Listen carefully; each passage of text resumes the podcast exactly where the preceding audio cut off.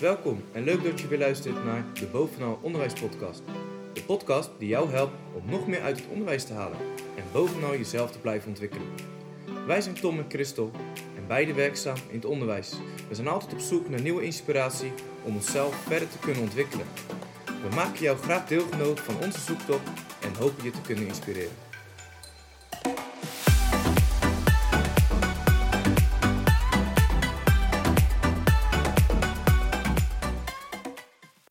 Over groeitaal. Eigenlijk als logisch gevolg op eh, onze vorige podcast die over mindset ging. Want je kan iemands mindset veranderen door de juiste groeitaal te gebruiken. Nou, waarom hebben we voor dit onderwerp gekozen? Omdat we de vorige keer hadden het over mindset en wilden we hier nog op terugkomen. Omdat wij denken dat dit wel een groot onderdeel of een wezenlijk onderdeel is van hoe je met je kinderen in de klas omgaat. Ehm, dus wat willen we eigenlijk bespreken? Wat is groeitaal dan precies? En wat heb je eraan als leerkracht? En waarom zou je eigenlijk groeitaal gebruiken? Nou, dat gaan wij je vertellen. Hè, want de kracht van groeitaal is groot.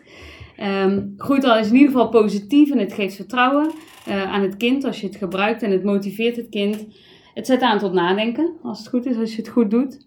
En Ja. het is eh, gericht op het proces en niet op het einddoel van, eh, van het kind. Ehm, hoe is jouw groeitaal? Of jouw, hoe zijn jouw groeitaal skills eigenlijk? Hoe is mijn groeitaal? Ja, moeilijk te zeggen. Ik, eh, eigenlijk ja, door, doordat je er zelf eh, mee kwam met die groeitaal, eh, ben ik er wel een beetje over na gaan denken als het echt gaat om het lesgeven. Ik, eh, ik ben me wel heel bewust, probeer me er wel steeds bewust van te worden met groeitaal als het gaat om gedrag of, of, of, of als het gaat om wat, hè, wat je wel of niet moet zeggen.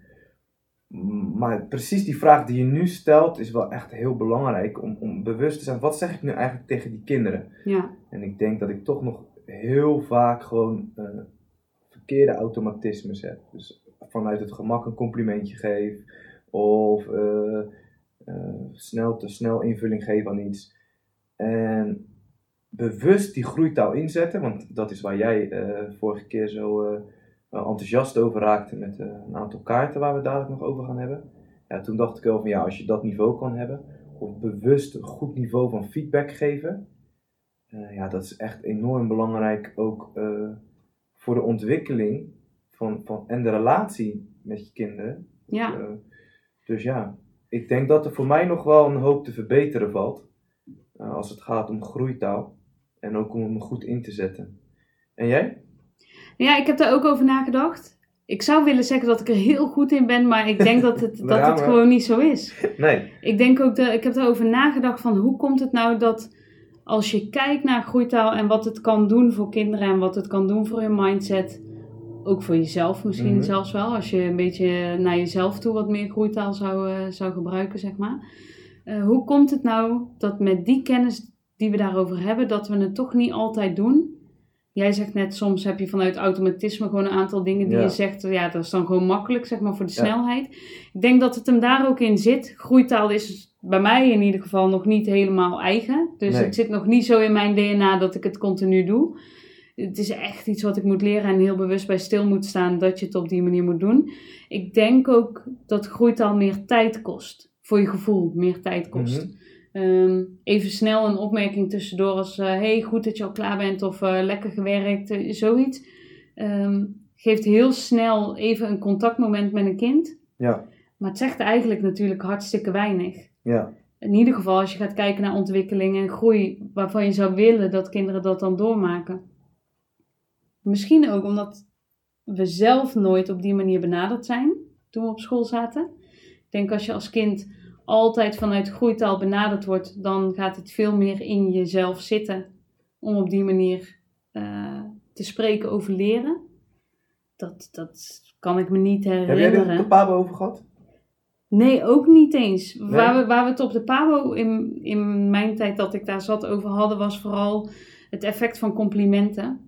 Ja, ja. En, en wat dat Heel kan droog doen. en verder geen eh, Maar- goede vormgeving. Ja. Nee, echt als je het gaat over mindset en over groeitaal. En ik vraag me af of dat, dat nu wel onderwerp is van curriculum. Ik Ja. zou hopen van wel. ja.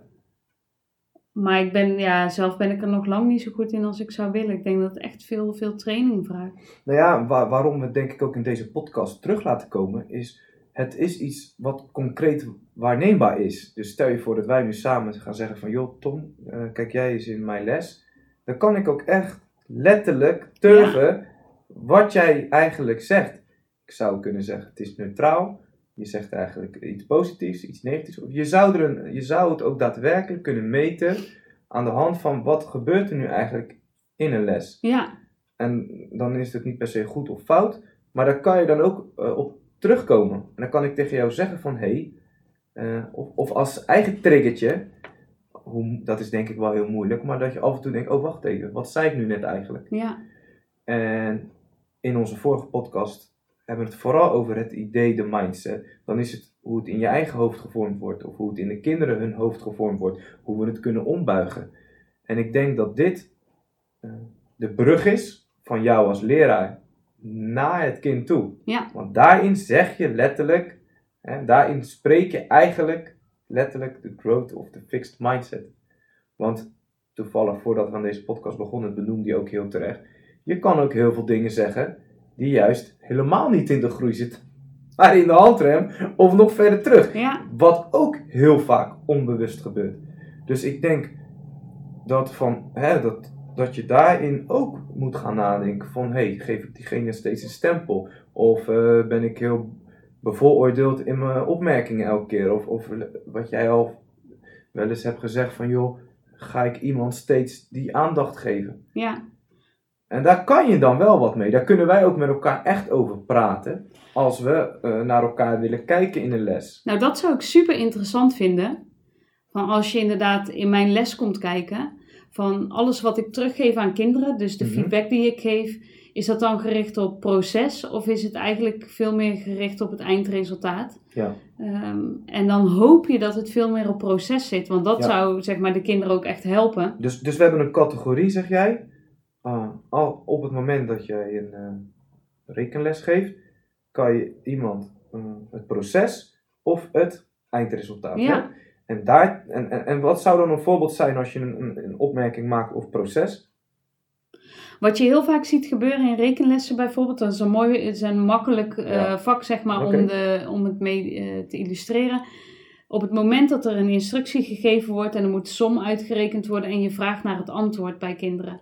Ja. Dus eh, stel ik sta voor het bord en ik heb een som op het bord staan en ik zeg, joh Jan, wat is het antwoord op die som? Ja. En het antwoord is fout. Dan kan ik zeggen, nee, klopt niet. Wie weet het wel? En op het moment dat ik tegen hem zeg van... hey, kan je me uitleggen hoe je tot dit antwoord gekomen bent? Want dan ga je naar het proces kijken. Als hij zomaar een, een antwoord roept... dan heb ik geen idee hoe hij tot Nee. een fout antwoord gekomen Ja, is. Maar hij eigenlijk ook niet. Want ik zeg gewoon, ja, het klopt niet. En ik ga gelijk door. Dus door door te vragen en eh, te vragen naar welke stappen heb je gezet... en daarna te laten zien van hoe had ik het moeten doen... en waar zit dan de fout? Waar heb jij een rekenfout gemaakt of net wat? Ga je dus inzicht geven...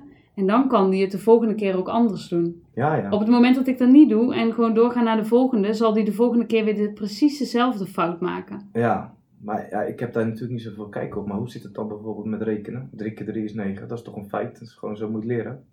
Dat klopt, dan heb je, dat is meer automatisering. Maar ik Ja. zou wel vragen aan, een, stel dat hij zegt 3 keer 3 is 8. Dan kan ik zeggen, eh, dat antwoord klopt niet. Kan je me uitleggen hoe je dat hebt uitgerekend? En als hij dan bijvoorbeeld zegt, nou dan doe ik 3 plus 3 plus 3. En dan kom ja, ik op ja. Er 8. zit wel een didactiek achter. Weet je, want ja. dan kan je op die manier kan je ook weer herleiden naar, oké, waar worden nou fouten gemaakt en hoe kan iemand dan eh, zorgen dat die fouten uit zijn systeem gaan? Want soms hebben ze die fouten gewoon ook echt al eigen gemaakt en maken ze gewoon continu dezelfde fouten. ja, dan blijft het herhalen, dus als je daar nooit op terugkomt.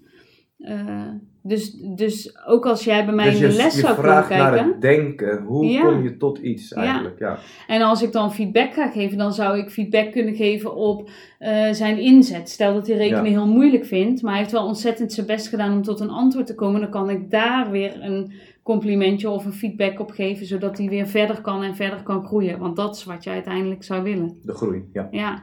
Kijk, en het mooie is, als je bij elkaar in de les gaat kijken, dan kan je wat jij zegt echt turven.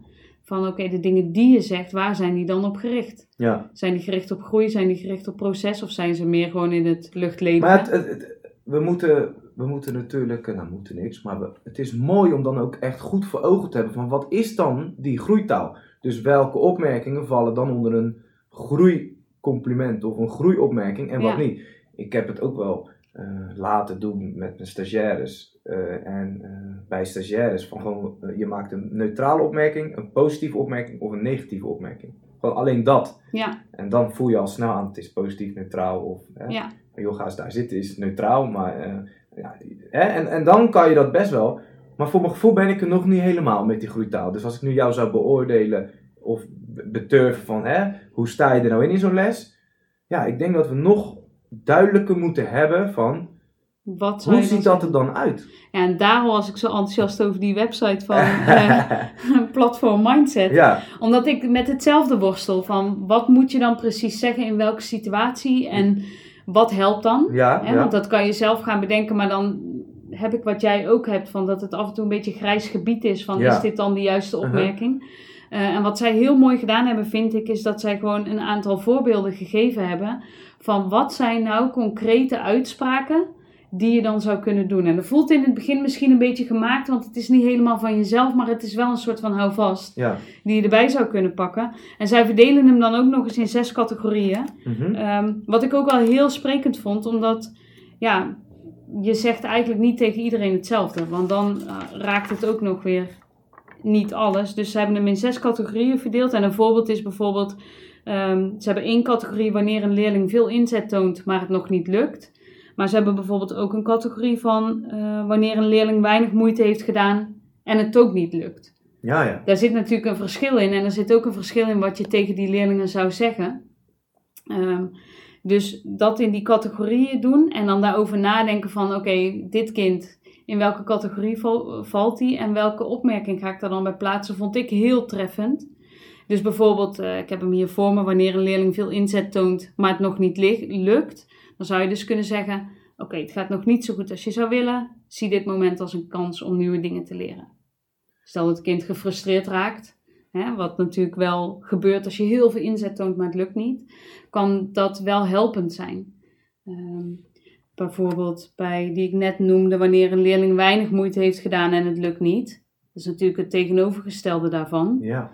Ehm, dan zeggen zij als voorbeeld, zou je dus kunnen zeggen, ik snap dat de moedje in de schoenen zakt. Laten we de opdracht in kleine stukjes opdelen, zodat het niet zo overweldigend voor je is.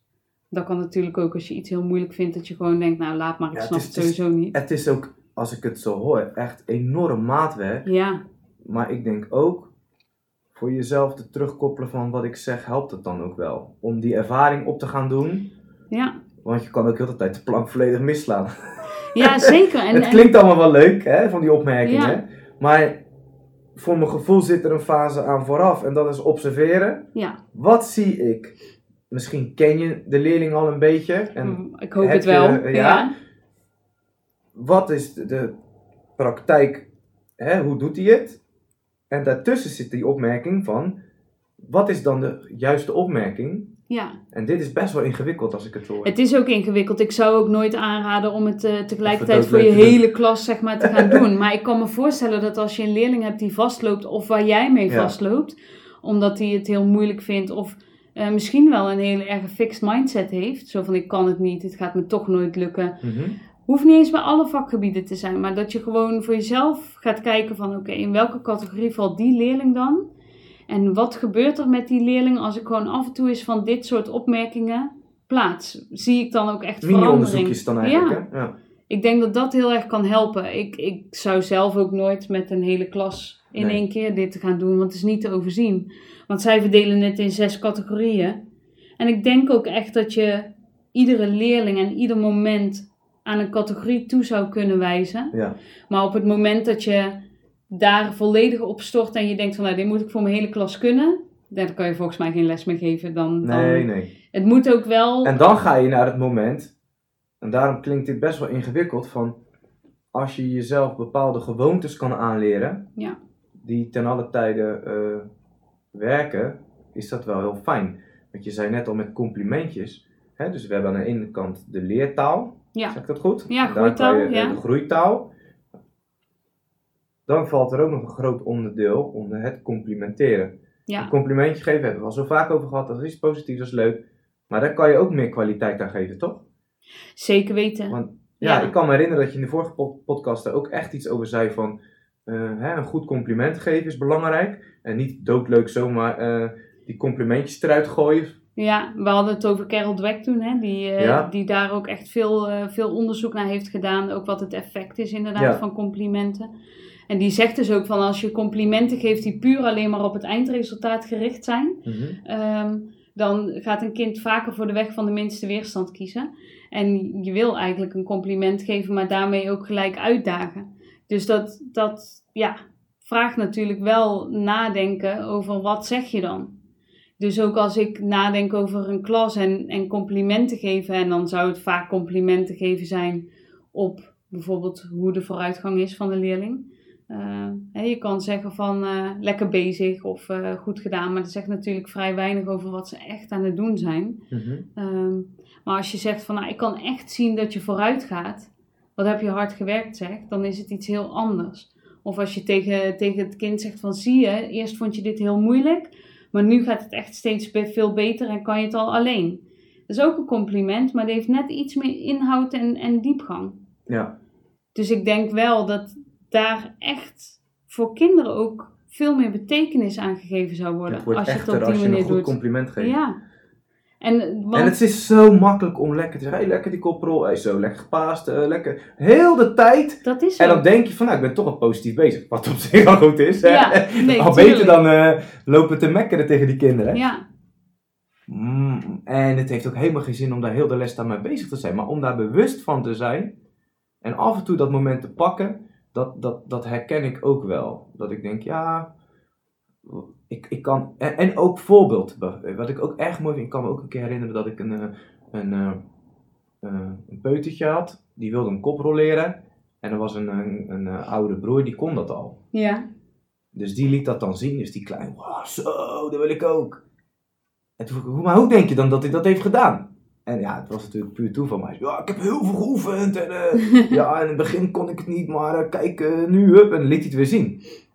Dus de manier hoe dat die broer het voorbeeld laat zien, met daarbij van, hey, door hard te werken, door je best Ja. te doen, kan je dat ook.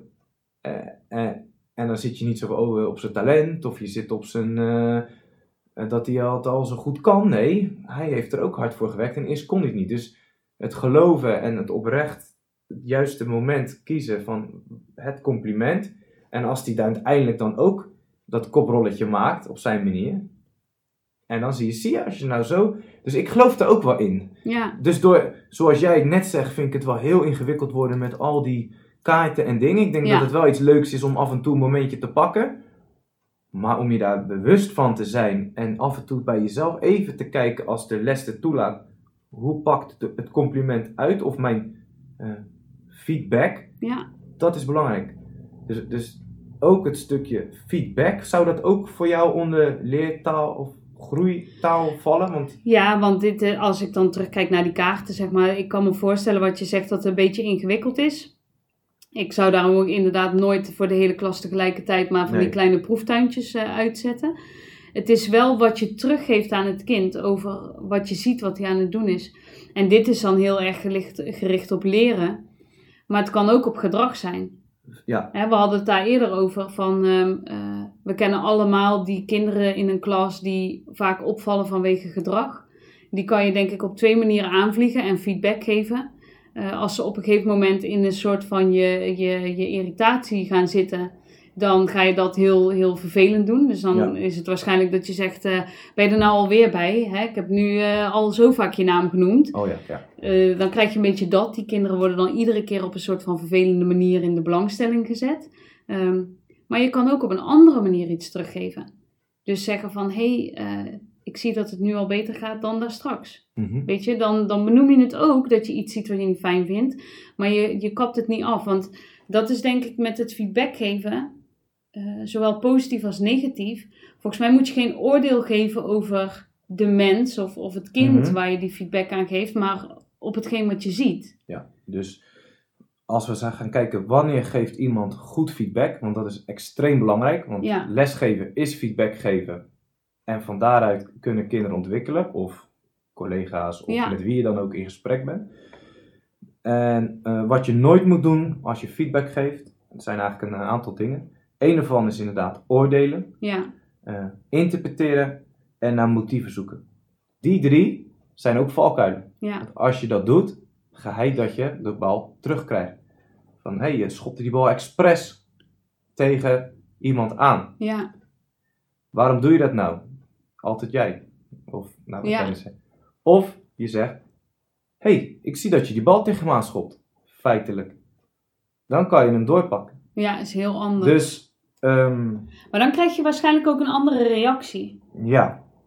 Want als jij tegen mij zou zeggen van, eh, waarom schop je nou die bal tegen hem aan? Ja. Dan zou, als ik het niet expres heb gedaan, zou ik echt zoiets hebben van, ja, wat is dit nou? En ik krijg de schuld. En dat is wat je net al zegt. Heel vaak zit er in feedback een waardeoordeel, een interpretatie, Ja. een, een mening zit erin. En je wil eigenlijk concreet gedrag benoemen wat ook veranderbaar is. Ja. En, en ik denk dat in feedback ook een enorme groei kan zitten als je het op een goede manier inzet. En daar ben ik ook eh, steeds, probeer ik me daar ook steeds bewuster van te worden. Benoem concreet waarneembaar gedrag wat Ja. iemand kan veranderen. Ja. Dat is essentieel. Eh, en daarin kan je dus hem ook doorleggen naar feed forward. Vaak, en dan, ja, we hebben het misschien dan niet over groeitaal, maar in conflictjes, in ruzietjes, in woordenwisselingetjes, val je terug in de afgelopen weken, of de keer dat er iets is gebeurd, of het ruzietje. En dan zet je iemand niet in de actie, dan zet je niet iemand in de ontwikkeling, maar dan hebben we het over oude koeien uit de sloot halen. Of Ja, wat niet altijd even leuk is. Maar kan je het ombuigen naar de toekomst, van hé, hey, laten we het dan volgende keer zus of zo doen, dan kan je iemand in de actiestand zetten. En daar geloof ik ook echt in. Als we dan over groeitaal hebben, met betrekking tot gedrag, denk Ja. ik, ja. ja en, en ook misschien wel leren. Ja. Want ik denk ook daar dat je, eh, als je dat doet, iemand in de actie zetten, Mhm. dan probeer je hem ook te motiveren naar Ja, ondernemen, naar iets te gaan doen. En dat is wat je uiteindelijk met groeitaal doet, want je wil dat iemand iets zelf gaat doen. Ja. Dat hij iets gaat doen om beter te worden. Ja. En ook dat iets, eh, misschien zelfs voor kinderen, een gewoonte gaat worden. Ja. Want als leraar heb je het stukje leren. We praten over de inhoud van het leren. En we hebben het gedrag. Je hebt een soort pedagogische functie waarbij je kinderen eh, iets mee wil geven. Of je wilt zo organiseren dat iets lekker loopt in je les. En daar, daarin werkt het voor jezelf op een gegeven moment ook veel fijner als dat een positieve draai hebt. Als je heel Ja. vaak zegt, je mag dit niet doen en je mag dat niet doen. Ja. Dan gaan kinderen het gevoel krijgen, nou ik mag een hoop niet. Ja, En je hoort en- eigenlijk en, alleen en je hoort de hele wat dag je wat je niet- allemaal niet mag doen. Ja, Dus dat is voor mij ook een hele kleine eh, gedragsverandering voor mezelf, waar ik heel veel moeite heb moeten doen. Hè, denk eens even niet aan de blauwe olifant. Dat gaat niet. nou. Dat is zo'n klassieker die iedereen eh, aanhaalt. Maar wat dan wel? En dat stukje wat dan wel, ben ik steeds meer over na gaan denken. Eh, eh, ga eens niet aan elkaar zitten. Blijf van elkaar af. Dat is, dat is in taal iets heel kleins, Ja. maar dat, als dat een gewoonte wordt voor jezelf op een gegeven moment, maakt dat het communiceren met elkaar veel, veel fijner. ja. En ook kinderen weten dan wat ze wel moeten of wel kunnen doen. En er zijn uitzonderingen dat je soms echt wel zegt: hé, hey, dit gaan we niet doen. ja. Maar eh, we gaan niet met de bal door de gymzaal peunen. Nee, we spelen rustig de bal en het liefst maak je het nog wat concreter. En, en dat helpt zoveel voor een prettige sfeer. ja. En wat we vorige keer al benoemd hebben, not yet, ja. is natuurlijk zo verschrikkelijk krachtig. juist. En dat, zijn de- dat is één dingetje van, hé, hey, ik zie dat je het nog niet kan. En daar Ja. hebben we het al eerder een keer over gehad in een andere podcast. En dat, dat is iets wat je jezelf kan aanleren, wat niet al te veel moeite kost voor jezelf, Ja, maar wat wel direct invloed heeft op de beleving van een kind. zeker. En op je, en op je mindset. Ja. Want dan kom je daarop terug. Want ik, ik merk het ook aan mezelf. Dat eh, ik heb denk ik de kracht van Not Yet nou, ontdekt toen wij met leren zichtbaar maken gingen, gingen starten. Ja. Dat is nu zo'n vier, vijf jaar geleden. Ehm, maar ik denk daar zelf ook nog regelmatig aan. Maar ik vond het in het begin echt overdreven. Ik dacht gewoon een gejank. Maar dat is het. Maar dat is met groeitaal ook. Als ik Ja. die kaarten lees, dan denk ik af en toe van... pff, het voelt zo gemaakt, weet je wel. Het voelt niet meer helemaal van jezelf. Aan de andere kant denk ik, als je het onder de knie krijgt en je eigen woorden daaraan kan geven, want dat is het volgens mij vooral. Ja. Hè, als je eh, naar die kaartjes kijkt die op die website staan van Platform Mindset, eh, dat zijn niet jouw woorden en jij zou het misschien in andere zinnen zeggen. Dat is het, je moet het eigen maken. Maar als dat lukt, dan is het authentiek en dan, dan eh, past het ook bij je. En een ander zal misschien denken, doe niet zo overdreven. Maar ik geloof echt dat het kind zich zo gezien voelt.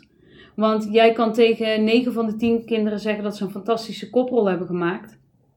En dan kan het ene kind wat denkt, nou hoezo, hij bakt er niks van. Er zit geen echte waarde dan. de vraag is, Nee. heb je wel echt goed gekeken? En eh, dat is ook als je op deze manier dus feedback geeft of groeitaal gebruikt, dan laat je het kind merken, ik heb echt gez- gezien wat jij doet. Ja. En ik kijk samen met jou verder hoe je nu verder kan en hoe het beter kan. Dus wat is je volgende stap? En met het hele stukje van nog niet, het is één woordje wat zo'n wezenlijk verschil maakt. Jij Ja. kan dit niet. Is een soort van afstraffing op, op je hele mens zijn, zeg maar. Ja. Dit kan jij niet. Of als je zegt, je kan het nog niet, dan houdt het altijd ruimte om het wel te kunnen. Om het dus te leren. En ja, dat, ik merk wel, ik heb er zelf denk ik daar ook nog regelmatig aan. Als ik op zo'n punt sta dat ik denk, Ja. oh, dit kan ik echt niet, dit kan ik niet. Ja. Dan denk ik, nee, Nog nog, niet. niet. Komt wel. Weet je, en, en ook niet denken van het komt vanzelf, want het komt niet naar je toe gelopen. Het is niet dat het over Nee. vijf jaar ineens wel voor de deur staat. Nee. Je moet er wel iets voor doen. Ehm, maar het is zoiets krachtigs. Ja. Dat als ik, ik denk inderdaad dat als je kinderen dat mee kan geven. En zeker kinderen die al iets meer in die fixed mindset zitten. Eh, dan, dan gaat een bepaald deurtje open. Ja. Wat altijd open blijft staan. Ja, want we hebben het nu eigenlijk gehad over het allerbelangrijkste is de taal die we spreken. En dat dat ook echt op elkaar, eh, van elkaar te, te leren is. Hoe Ja. jij het doet, hoe ik het doe, hoe we het met elkaar doen. En ik denk als laatste waar ik het nog over wil hebben is dan, en daar hebben we het wel ook al eens eerder over gehad, dat stemmetje in je hoofd. Ja, Want, eh, nou, we kunnen het allemaal heel mooi proberen als leraar. Maar het stemmetje in je hoofd, die wil leren, daar zit ook nog veel winst in. ja dus wat zeg En- je tegen jezelf En dat eigenlijk? is dan, wat zeg je tegen jezelf? En dat wordt dan alweer moeilijker om daadwerkelijk te meten of te zien. Maar daar kunnen we kinderen, en onszelf uiteraard, Zeker. in, in meenemen. Want Ja. hoe, hoe, zou, hoe zouden we daar dan voor kunnen zorgen dat daar een soort van klimaat ontstaat waar kinderen elkaar op een bepaalde manier kunnen aanspreken? Of dat stemmetje die zelf zegt van nou, Ja, wat daar natuurlijk een fantastisch mooi voorbeeld van is, is, is de learning pit of de leerkuil eigenlijk. de wat? De learning De pit. learning pit? De learning pit. of de leerkuil. Yes. Ehm, wat super wezenlijk en inzichtelijk maakt van waar je kan zitten op het gebied van leren. Want wanneer gaan we tegen onszelf zeggen, ik kan het niet, het lukt me niet. Maar help me even, want ik heb nog niks inzichtelijk. Wat Nou, is de learning pit? Eh, als je kijkt naar hoe kinderen leren Ja. en eh, je bent aan het leren, leren, leren. En er komt altijd een moment, op het moment dat je eigenlijk de volgende stap gaat maken, dat je een soort van terugval krijgt. En het idee krijgt van, hé hey, maar het lukt me niet, ik kan dit Mhm. niet, hoe kan het nou, ik kon het toch. En dan is dus de vraag van, eh, hoe kom je daaruit? Hoe kom je uit dat gevoel? En hoe klim je daar uit de put? hoe klim je daaruit? En, en, want als dat lukt om eruit te klimmen, dan ben je weer een stapje verder. Dus eigenlijk met alles wat je leert. je- je kan het vergelijken met een baby. Die gaat kruipen, kruipen, kruipen. Die denkt, oh, dat gaat best wel lekker. Mhm. Eh, dan gaat hij proberen om eh, te gaan staan. Bijvoorbeeld gaat zich optrekken. Nou, dat lukt dan. En dan gaat hij zijn eerste stapjes zetten. En eh, waar hij eerst aan de bank vast kon staan. En dacht, nou, ik kan staan. Op het Mhm. moment dat hij loslaat, valt hij. Ja. Dus er komt zo'n moment dat hij denkt, hoe kan dat nou? Want ik kon het toch. Maar als, als baby denk je daar niet zo bij na. Je blijft het gewoon honderdduizend keer proberen. Ja. Maar als je wel ouder wordt, dan kom je op een punt dat je denken misschien erbij niet komt meer... kijken, dat dan, is het. eh, Dan, dan ga je misschien stoppen. Ja, ja. En dan krijg je dat stemmetje in jezelf. En dat is het verschil tussen fixed mindset en growth mindset. Ja. Van, blijft dat stemmetje hardnekkig en zeggen... joh, laat maar, probeer het maar niet meer, want je kan het toch niet. Ja. Of heb je zo'n stemmetje in jezelf wat zegt... Oké, niet opgeven, doorzetten. Er komt een moment, dan lukt het je wel. En dan kun je ermee verder. En dan ben je weer verder dan je hiervoor was, zeg maar. Ja, Dat ja, mooi. dat stemmetje in je hoofd. En wat ik daar zo tof aan vond, want eh, die leerkuil of learning pit is echt ook een onderdeel van leren zichtbaar maken. Mhm. Ehm, ik dacht altijd van ja, weet je, dat is, dat is veel te ingewikkeld voor kinderen om te snappen. Dat heeft helemaal Mhm. geen zin. Eh, en toen werd er tegen mij gezegd, doe het maar, want ze gaan het wel snappen. Ze weten eigenlijk best wel heel goed waar dit over gaat. Toen heb ik in een groep 4 heb ik het gewoon getekend, van hoe ziet het er nou uit? We staan nu hier en we willen naar het topje van de berg, maar er Dus komt je een moet eerst moment... even diep vallen. Juist. En dan kunnen we naar het topje van de berg. En het grappige is dat ehm, op een gegeven moment hadden we dat al een paar keer behandeld. En ik had niet per se heel erg het idee dat het bleef hangen. Maar ik dacht, Mhm. je moet kracht van de herhaling, je moet het dus vaker doen. En toen zaten we midden in een rekenles. En eh, er was één kindje wat niet zo goed uit de sommen kwam. En toen zei een ander, misschien zit hij even in de learning pit. Wauw, op. Zei hij dat? vier, ja. En toen dacht ik, het blijft dus Het kwartje is inderdaad gevallen. In de learning pit. Maar het is dus de gedachte dat, Ja. dat op het moment dat- dat, je dus ja. iets niet kan, dat, dat je dus in een bepaalde fase zit.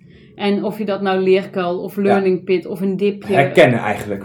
Dat herkennen en erkennen van het is logisch Maar dat is je een andere hebt. manier ook van lesgeven dan. Want je moet er nog iets naast doen Ja, van, van uitleggen, een stukje herkenning. ja, Dus een Ja, andere ze- gelaagdheid meegeven naast eh, wat je eigenlijk aan ja echt stof het- wil naast meegeven, echt toch? lesgeven Ja. moet je kinderen inzichtelijk maken hoe een leerproces Ja. eruit ziet. Ja, daar hebben we het ook vaak over gehad, ook belangrijk. En dat gaat natuurlijk, dat herhaalt zich steeds. Maar daar, daar zit wel ook in, in hoe praat een kind tegen zichzelf. En hoe, ja, hoe Ja. praten wij als volwassenen tegen onszelf.